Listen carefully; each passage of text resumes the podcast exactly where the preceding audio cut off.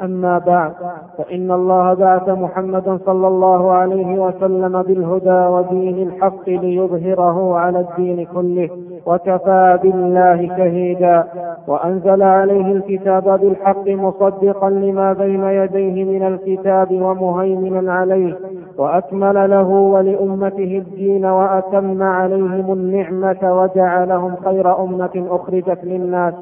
فهم يوفون سبعين أمة هم خيرها وأكرمها على الله وجعلهم أمة وسطا أي عدلا خيارا. ولذلك جعلهم شهداء على الناس هداهم لما بعث به رسله جميعهم من الدين الذي شرعه لجميع خلقه. ثم خصهم بعد ذلك بما ميزهم به وفضلهم من الشرعة والمنهاج الذي جعله لهم. نعم المؤلف رحمه الله وفي مكاتبته ابتدى بأصل عام ثم بعده يدخل إلى الكلام في طريقة عدل بن مسافر والتحول الذي طرأ فيها.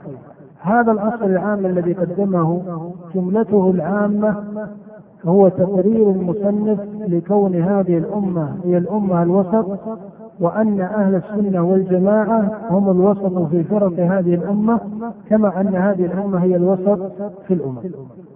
تقريره لمسألة الوسطية في هذه الصفحات الأولى وبين رحمه الله المقصود عنده بهذا المنهج فهو من حيث ابتدأ. بالمكاتبة قرر مسألة الوسطية. وهذا المقصود في كلام الإمام التيمية رحمه الله. يمكن أن نقول أن تحته آه، ثلاث مسائل.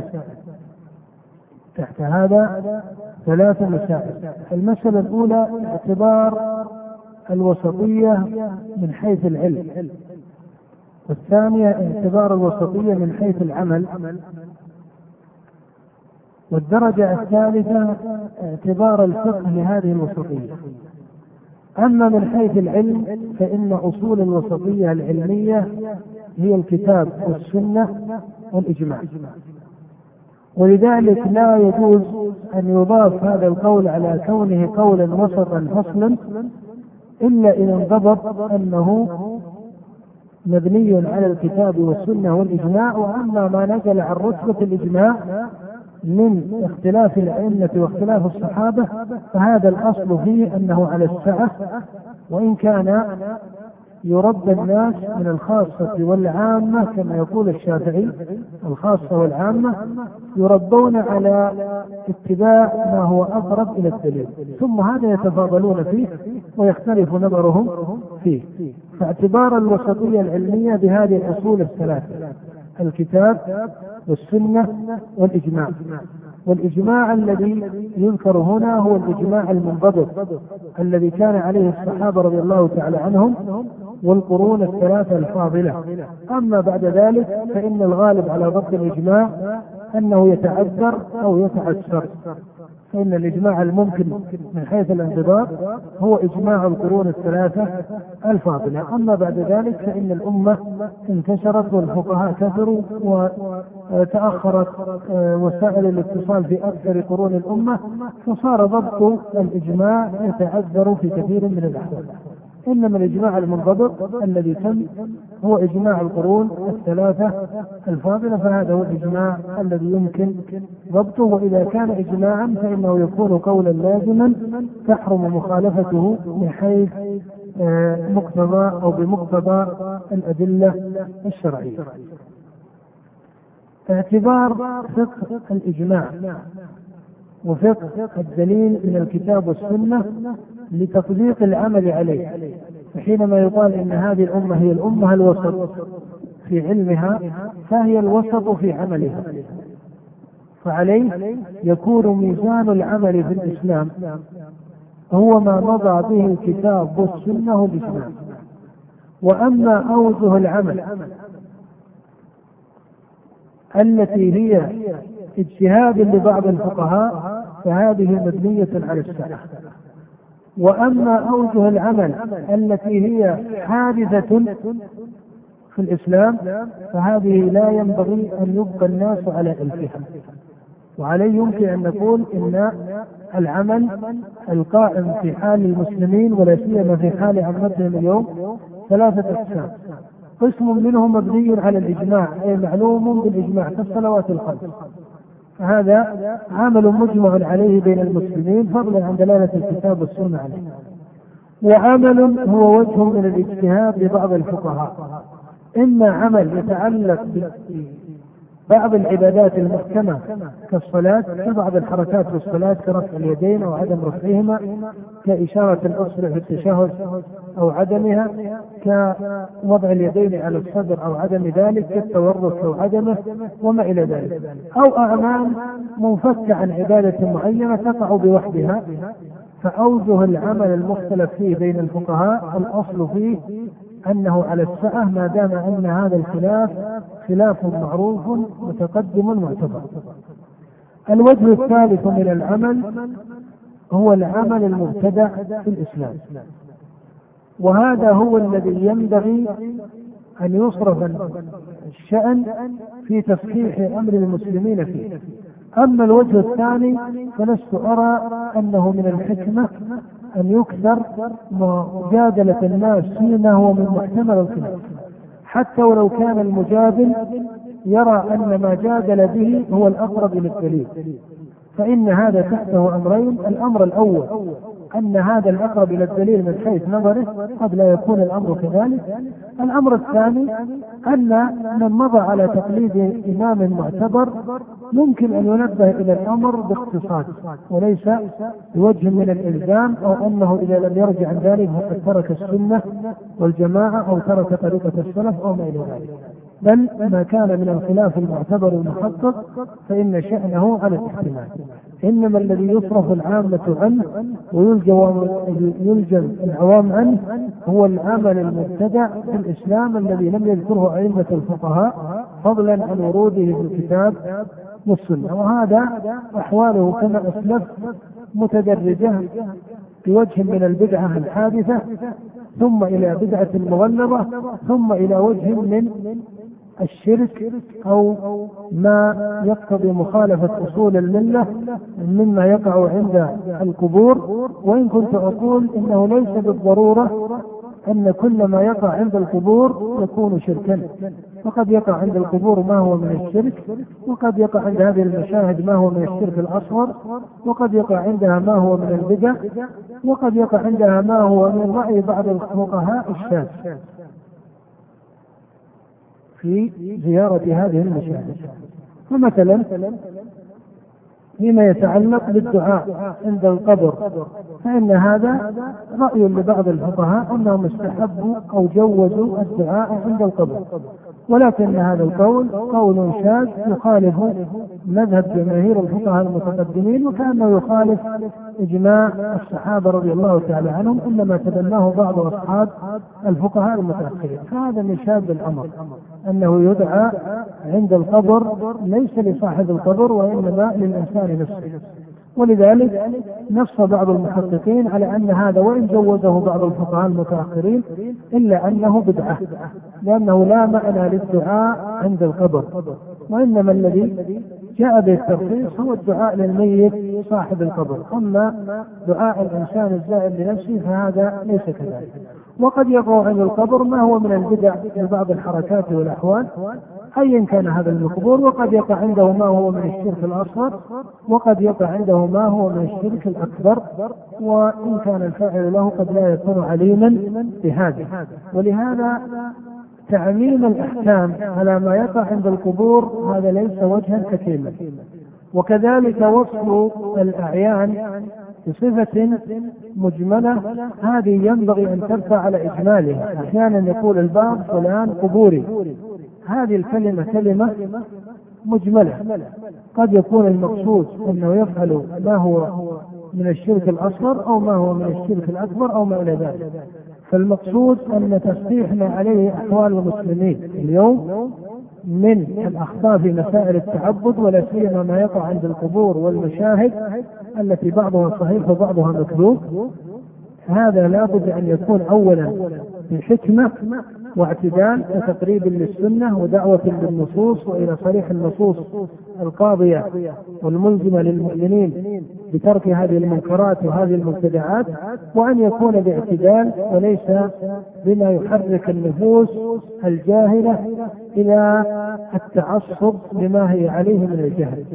فإن بعض طرق إنكار الناس أحيانا تحرك النفوس إلى الإبقاء على جاهلية نعم. المسألة الثالثة هي فقه الفرق بين الأصول والفروع والمحكم والمتشابه. الفقه الفرق بين الأصول والفروع وبين المحكم والمتشابه. الأذان يأتي الساعة كم؟ سبعة ربع سبعة ربع مسألة الأصول والفروع كما تعرفون أنها تسمية تسمية من حيث الاصطلاح تسمية شائعة في كلام الأصوليين وفي كلام المتكلمين وفي كلام الفقهاء بعامة. أن الدين ينقسم إلى أصول وفروع. وهذه التسمية لا شك أنها تسمية متأخرة أي لم تظهر زمن الصحابة أو زمن النبوة ثم الصحابة ثم في زمن الأئمة المتقدمين بدأ بدايات من المصطلحات لما كثر الاصطلاح وبدأ الاصطلاح فتجد في كلام الإمام أبي عبيد القاسم بن سلام أنه يسمي بعض المسائل فيقول ما هو من الأصول في الدين وما هو من الفروع فيه فاستعمل مصطلح الأصول ومصطلح الفروع. هذا المثال أو التمثيل بابي عبيد اللي يقطع ما قد يقوله بعض المتأخرين من أن هذه تسمية مبتدعة على كل على سائر مقاصدها. الإمام تيميه رحمه الله تكلم في مسألة الأصول والفروع بكلام على وجهين، تارة يذكر هذا التقسيم وهذه التسمية مقرا لها وهذا مقتضى الشرع والعقل. وتارة يذكر هذا التقسيم معارضا له ولكن مقصوده بالمعارضة ليس الاصطلاح. إنما مقصوده بالمعارضة الحد الذي ذكره بعض أئمة المعتزلة ومن نقل عنهم من متكلمة الصفاتية لما قالوا إن الأصول هي العلميات والفروع هي مسائل العمل فهذا غلط لأنه يستلزم أن تكون الصلوات الخمس والزكاة والحج وصوم رمضان أن تكون من الفروع وهذا ليس كذلك لأن مذهب السلف درج على أن العمل أصل في الإيمان. فهو يعارض يعني شيخ الإسلام إذا ذكر مسألة أن هذا تقسيم لا أصل له يقصد من حيث الحد أي التعريف الذي ذكره من ذكره من المتكلمين والأصوليين نقلا عنه. أو كمن يقول إن الأصول هي المسائل المعلومة بدليل السمع ودليل العقل. ويجعلون الفروع هي المسائل المعلومة بدليل السمع وحده وهذا أيضا حد غير صحيح ولا ينضبط وهناك مسائل أصول لا تعرف إلا بدليل السمع. ككتابة الله سبحانه وتعالى لمقادير خلقه فإنه لولا خبر الله ورسوله بها ما كان لأحد أن يبتدئ بأن الله كتب مقادير الخلق. وكنزوله سبحانه وتعالى إلى السماء الدنيا فإنه لولا خبر النبي صلى الله عليه وسلم ما كان لأحد أن يصل بعقله إلى أن الله ينزل إلى السماء الدنيا. بخلاف بعض الصفات التي العقل يشهد لها ابتداء ككونه سبحانه وتعالى سميعا بصيرا حيا قديرا فإن هذه المسائل تعرف بالشرع وتعرف بالعقل. وإن كان يقال كما هو معروف إن المسائل التي يقال إنها معروفة بالسمع إذا ورد السمع بها فإن العقل لا يعارضها. فمسألة الأصول والفروع كتقسيم هو تقسيم واسع. أما أن الإمام ابن تيمية رد عليه أو أنكره فهذا غير صحيح. بل في كلام شيخ الإسلام استعمال كثير للأصول والفروع وهذا مقتضى العقل والشرع لأن مسائل الشرع ليست وجها واحد وكلمة فروع ليس فيها إنقاص لشيء من مسائل الشريعة. وأنت ترى النبي صلى الله عليه وآله وسلم قد قال ما هو مقارب لهذا المعنى. أليس عليه الصلاة والسلام كما في الصحيح في صحيح مسلم قال النبي صلى الله عليه وسلم عن أبي هريرة قال عليه الصلاة والسلام الإيمان بضع وسبعون شعبة. وهذا متفق عليه لكن الشاهد المقصود تفرد به مسلم. قال فأعلاها قول لا إله إلا الله وأدناها إماطة الأذى عن الطريق والحياة شعبة من الإيمان فقوله أعلاها وأدناها. فذكر أن الإيمان أو أن شعب الإيمان يسمى بعضها عاليا وبعضها دون ذلك أو أن بعضها يقال هذا من أعلاها وهذا من أدناها. فإذا كان الشارع عبر بهذا التعبير واستعمل هذا اللفظ فلفظ الأصول والفروع ليس بعيدا عن مثل هذا المقصود فهو لا يوجب نقص الشريعة وإن كان بعض الكاتبين فيه قال إنه قد يفهم بعض العامة أو حدثاء العهد بالإسلام أن الفروع ليست لازمة في الإسلام. وهذا الفهم ليس بالضرورة أنه يقع عند العامة وبعض الحدثاء العهد في الإسلام بل كون العامة وحدثاء العهد الإسلام يعرفون أن الإسلام فيه ما هو أصل وفيه ما هو دون ذلك وأن من يفرط في الفرع لا ينبغي له أن يفرط في الأصل. ويفهمون أن أصول الإسلام هذه عصم يجب المحافظة عليها ولا تغلب النفس على تركها وأن هذه فروع شأنها دون ذلك مع كون بعضها واجبا وبعضها مستحبا. هذا الفهم هو هو عين الحكمة وعين العقل وعين الفطرة البشرية. بخلاف إذا ما قلت للناس أن الإسلام جميعه من أوله إلى آخره أصل. وهذا ليس ليس عدلا ولا حكمة. من ترك إماطة الأذى عن الطريق ليس كمن ترك الصلوات الخمس. ومن فاتته تكبيرة الإحرام ليس كمن ترك صلاة الجماعة. ومن ترك صلاة الجماعة ليس كمن صلى الجماعة في بيته. ومن ترك صلاة الجماعة في بيته ليس كمن صلى منفردا. أو أو عفوا من صلى منفردا ليس كمن أخر الصلاة حتى خرج وقتها. ومن أخر الصلاة حتى خرج وقتها ليس كمن ترك الصلاة بالكلية فلا بأس بل هذا هو الأصل أن الناس يعرفون أن دينهم منه ما هو ركن تركه قد يكون ردة وكفرا ومنه ما هو واجب تركه فسقا والله ذكر هذا في كتابه لما قال ولكن الله حبب إليكم الإيمان وزينه في قلوبكم. فلما ذكر الإيمان ذكره واحدا ولما ذكر ما يخالف هذا الإيمان أو ما ينقصه قال وكره إليكم الكفر والفسوق والعصيان. فمسألة الأصول الفروع هذه تسمية واسعة إذا ما ضبطت بتفسير صحيح. فقيل الأصول هي ما أجمع عليه الصحابة والأئمة في مسائل العلم والعمل. يقال الأصول هي ما أجمع عليه الصحابة والأئمة في مسائل العلم والعمل. والفروع هي ما دون ذلك. وأنت ترى أنه في العقل والشرع أن المسائل أحد وجهين. إما مسألة مجمع عليها وإما مسألة إيش؟ مختلف فيها فإذا رددنا مسائل الشريعة إلى القرون الثلاثة الفاضلة استطعنا أن نصل إلى أن هذه المسألة في القرون الثلاثة إما أن تكون مسألة مجمع عليها وإما أن تكون مسألة قد اختلفوا فيها اختلف فيها الصحابة والأئمة فما كان من المسائل مجمعا عليه فهو أصل قدره على اللزوم وما كان من المسائل سواء كان الإجماع في وجه علمي أو في وجه إيش؟ عملي. قد يكون الإجماع علميا كأن يجمعوا على كون هذا العمل مستحبا. هل لما أجمعوا على كونه مستحبا صار فعله واجبا؟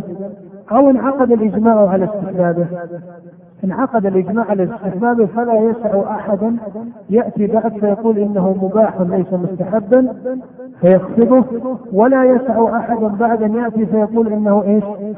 واجب فيرفعه عن قدره السابق.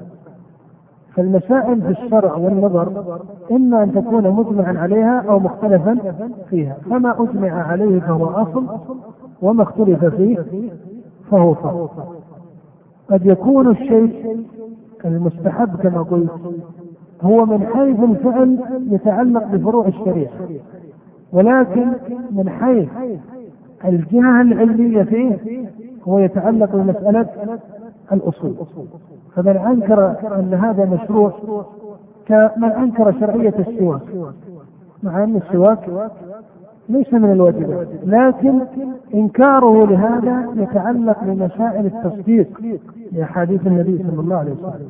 أما إذا جئت إلى المستحبات من حيث التطبيق لها بل وإلى كثير من الواجبات من حيث التطبيق لها فهذه لا تسميها أصولا بل هي من باب الفروع. ولذلك قد يكون الشيء من جهته العلمية أصلا ومن جهته العملية التطبيقية فرعا. وقد يكون الشيء من جهته العلمية والعملية أصلا كالصلاة فإنها من جهة التصديق بوجوبها. هذا التصديق أصل ومن جهة إقامتها أيضا إقامتها أصل. هذه مسألة. مسألة أخيرة نختم بها وهي مسألة المحكم والمتشابه. أليس الله سبحانه وتعالى قال ولا بأس أن ندخل في هذه الأمور لأن هذا الدرس كما قلت لكم هو درس في فقه منهج السلوك. أليس الله سبحانه وتعالى قال هو الذي أنزل عليك الكتاب؟ منه آيات محكمات. هن أم الكتاب وأخر متشابهات إلى آخر السورة. فإذا كان الله وصف كتابه بأن منه ما هو محكم ومنه ما هو متشابه وهذا الوصف كما هو معروف عند الأئمة المحققين وصف يمكن أن نعبر عنه بالاصطلاح المعروف وصف إضافي. ما معنى أنه وصف إضافي؟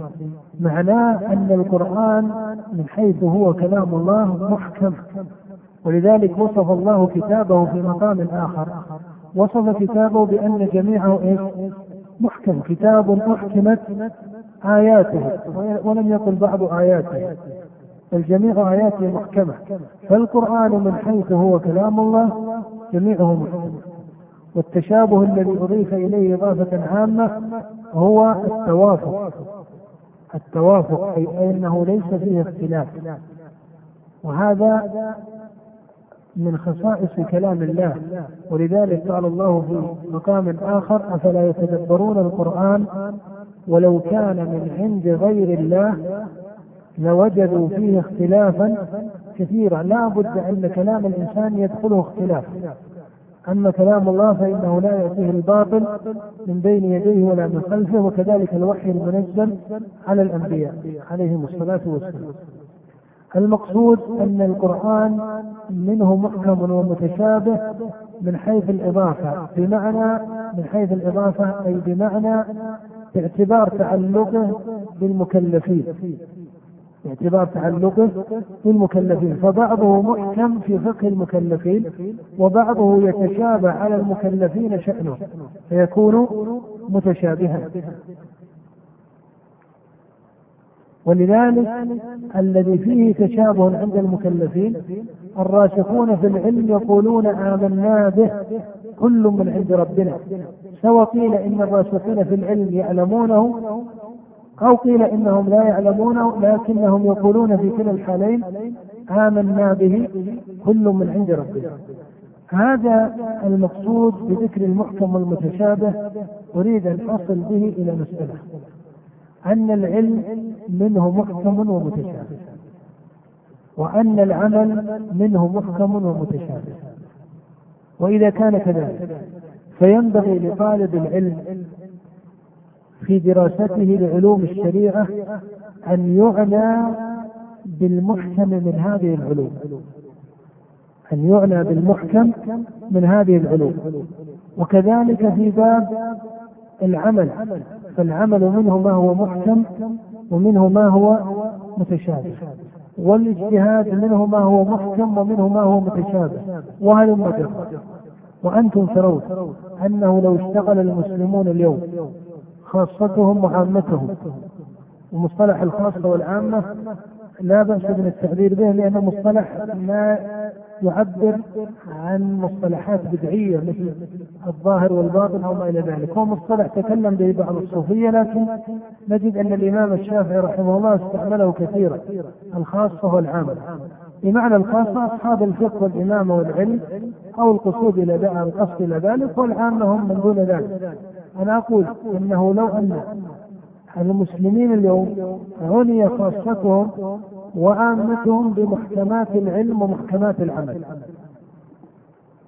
قد يقول قائل كيف الآن نحن جالسين في هذا المجلس في عددنا الذي قد يصل إلى 200 أو 300 أو أقل من هذا ونقول المسلمون وما إلى ذلك هل نستطيع أن نصحح الإنسان اولا مكلف ان يبدا بنفسه ثم بمن يسمع صوته. ثم إذا لماذا أصبحت الآن بعض المظاهر البدعية عند المسلمين عليها ملايين من أهل الإسلام؟ لأن النفس البشرية وترى فقه النفوس أيها الإخوة الآن بعض إخواننا خاصة من السلفيين يدرسون العلوم أقول بعضهم يعني يدرسون العلوم دراسة تجريبية. ترى في مسائل يعني لابد أن الإنسان يتعلم فقهها ليصل فيها إلى تصحيح لنفسه وإلى طريقة مخاطبة الغير وكيف يصل إليه. النفس البشرية أحيانا تجد هذا في القرآن ليس بالضرورة أن تذهب إلى كتب علم النفس هذا في القرآن في صفات النفس البشرية. الله لما ذكر النفس قال وحمل الإنسان إنه كان ظلوما جهولا وخلق الإنسان ضعيفا. خلق الإنسان هلوعا هالكلمات التي في توصيف النفس البشرية لا بد أن يكون طالب العلم فقيها فيها؟ مع الأسف أنه أصبح العلم حديث الأحكام. هذه هي أم العلم. وأما الباقي آداب. مش حالك تقرأ للعوام ويحدث للعوام ويأتي أمرهم. أنتم ترون أن حتى المحدثين الذين كتبوا في حديث الرسول عليه الصلاة والسلام أوائلهم ما وجد أن المتقدمين يصنفون في الأحكام فقط.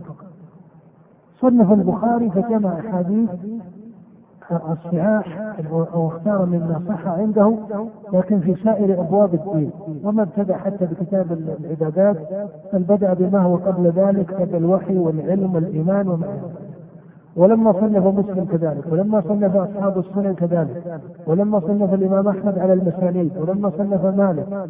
كانوا يذكرون أحاديث أصول الدين قبل هذه المسائل ويذكرون باب الفقه في مسائل الآداب ومسائل الأخلاق ومسائل الشريعة بسائر مواردها التي نزلت بها وأنتم إذا قرأتم قبل ذلك القرآن وجدتم أن ذكر القصص وتفصيل القصص في القرآن لأنها تقصد لعبرة ليست كمعلومات مجردة بل كما قال الله نحن نقص عليك أحسن القصص في أول السورة وفي آخرها. قال لقد كان في قصصهم عبرة.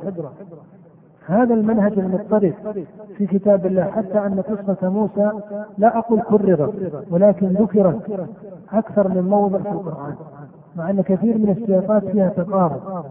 لأن هذه تعطي العابد والسالك وطالب العلم والمسلم والمؤمن تعطيه منهجا. والله سبحانه وتعالى أمر نبيه عليه الصلاة والسلام أن يقتدي بإخوان الأنبياء فما بالك بمن هو من أتباع الأنبياء وأتباع هذا النبي؟ فهو أولى بهذا الاقتداء وهذا الفقه من التدبر لقصص الأنبياء وأحوال النفس وأحوال الإنسان وما إلى ذلك. أحيانا بعض الشعراء يصل إلى معنى يعبر به عن مقصود، المتنبي قال في شعر له يقول خلقت ألوفا لو رحلت إلى الصبا لفارقت شيبي موجع القلب. هذا ترى أيها الأخوة هذه حقيقة كثير من عامة المسلمين اليوم. يقول خلقت ألوفا لو رحلت إلى الصبا يعني يقول المتنبي أنا في سن الشيب الآن وكل إنسان في الشيب يقول فات الشباب. يقول لكن لو جاء قرار واضح أنك ستنقل الآن من عتبة الشيب إلى مرحلة الشباب وخلال ساعات ستنتقل تصبح شابا كتخيل في الذهن. يقول لو قيل لي يلا انتقل إلى الشباب وابدأ. يقول أمشي وما أتردد. يقول لكن يقول التفت إلى الشيب باكيا لماذا يبكي على الشيب؟ يقول لأني ألفت الإنسان طبيعته يألف. فهو يقول خلقت ألوفا. لو رحلت إلى الصبا وقلت له يقول ما أتردد ارحل لكن يقول لا فارقت شيء بموجع القلب باكي فالناس هكذا العوائق النفسية هي التي تتسلط على كثير من عقول المسلمين اليوم. وهذا إن شاء الله سنخصص له درسا في فقه مسألة التقليد والتعصب في مسائل السلوك وما إلى ذلك وكيف يصحح ذلك وكيف ينتشل العوام من المسلمين. لا أقول إلى طريقة زيد أو عمرو أو مذهب أحد وإنما إلى هدي الكتاب والسنة والحكمة والموعظة الحسنة. فمسألة المحكم والمتشابه ينبغي لطالب العلم دائما أن يضعها في فقهه. وأن يصرف هذه وصية للإخوة ولمن يسمعها. أن يصرف جمهور وقته في محكم العلم والعلم وأن لا يعطي المتشابه إلا قدرا يسيرا. أما أن طالب العلم يمضي كثير من وقته ومع الأسف أحيانا يمضي عند البعض أكثر الوقت وأكثر العمر وهو يقول وأمام المجتمع وأمام الناس هو في متشابه العلم أو متشابه العمل. هذه حالة الآن نحاول أن نصححها للعامة لكن كيف نصححها للعامة وطلبة العلم هم يعيشونها في أنفسهم. ولذلك مشكلة أحيانا قد تجد بعض العوام عنده من المحافظة على محكمات العمل أكثر مما عند كثير من طلبة العلم. وأنتم إذا رجعتم إلى هدي السلف الأول وأجل السلف الأول هم الصحابة. إذا رجعتم إلى هدي الصحابة وجدت أن هديهم عامته إن لم نقل جميعه في محكم العلم ومحكم العمل. ولذلك حتى الأسئلة التي هي نوع من المتشابه ما كان الصحابة يسألونها لما حدث رسول الله عليه الصلاة والسلام في مسألة كتابة العمل أن أحدكم يكتب ما منكم من أحد إلا قد كتب مقعده من الجنة أو من النار. لم يسأل كبار الصحابة تقييم العمل. نعم سأل بعض من حضر من الصحابة لكن هذا السائل لم يكن من كبار أئمة الصحابة. ولا يمثل أيضا أكثر الصحابة. ثم هذا السائل ليست هذه حاله على الدوام ولا على الغلبة. بل هي حال عرضت عنه وكان سؤالا؟ يعرض لكثير من النفوس. يعرض لكثير من النفوس. لكن جمهور الصحابة ما سألوه ولم يكونوا رضي الله عنهم لم يسألوه لأنه لا قائم عندهم وتركوا السؤال عنه من باب عدم السؤال لذات عدم السؤال كلا بل لأننا ننفقه حقائق الشريعة فقها مناسبا وتخلص من كثير من العوائد والتعصب والإلف والتقليد غير الشرعي تحصل له محكم العلم ومحكم العمل فصار يعيش فقها في نفسه وطمأنينة وسكينة وما إلى ذلك.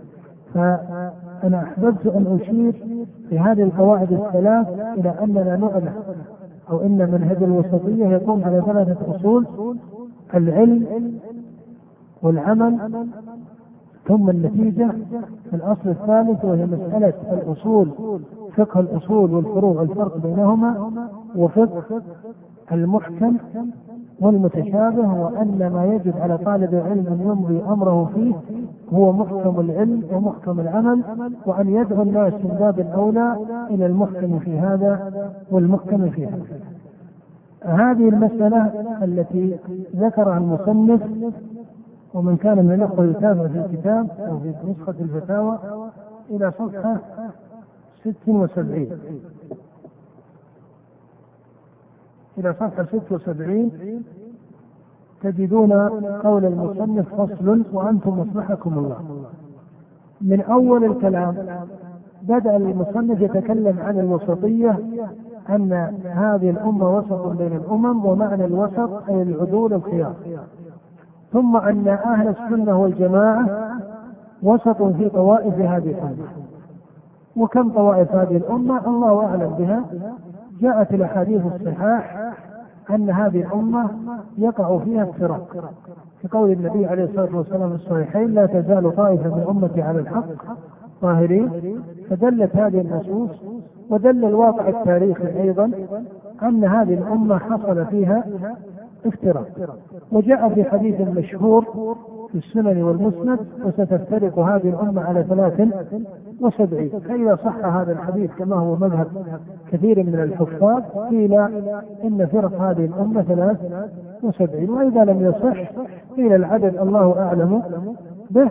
وحتى لو صح الحديث كما هو مدى كثير من الحفاظ واختيار المؤلف إنه حديث صحيح فإن طريقة السلف أنهم لا يرون جواز الاشتغال بتعيين هذه الطوائف الثنتين والسبعين الخارجة عن السنة بأسمائها. وهذا السلف لما منعوه أو لم يشتغلوا به هو مقتضى الشرع ومقتضى العقل. لماذا؟ لأن الله لأن الإنسان لا يعلم ماذا بقي من أيام الله في هذه الأيام فربما أن كثيرا من هذه الفرق تحدث وأنت إذا رجعت إلى الأسماء التاريخية إن اعتبرت أصولها قلت عن 270 وإذا اعتبرت فروعها زادت عن 73 إلى المئات ومن هنا كان الفقه أنه لا يجزم بالتعيين وإنما يجزم بأن هذا على السنة وهذا ليس على السنة وهذا المقصود أن هذه الصفحات التي إلى 76 و300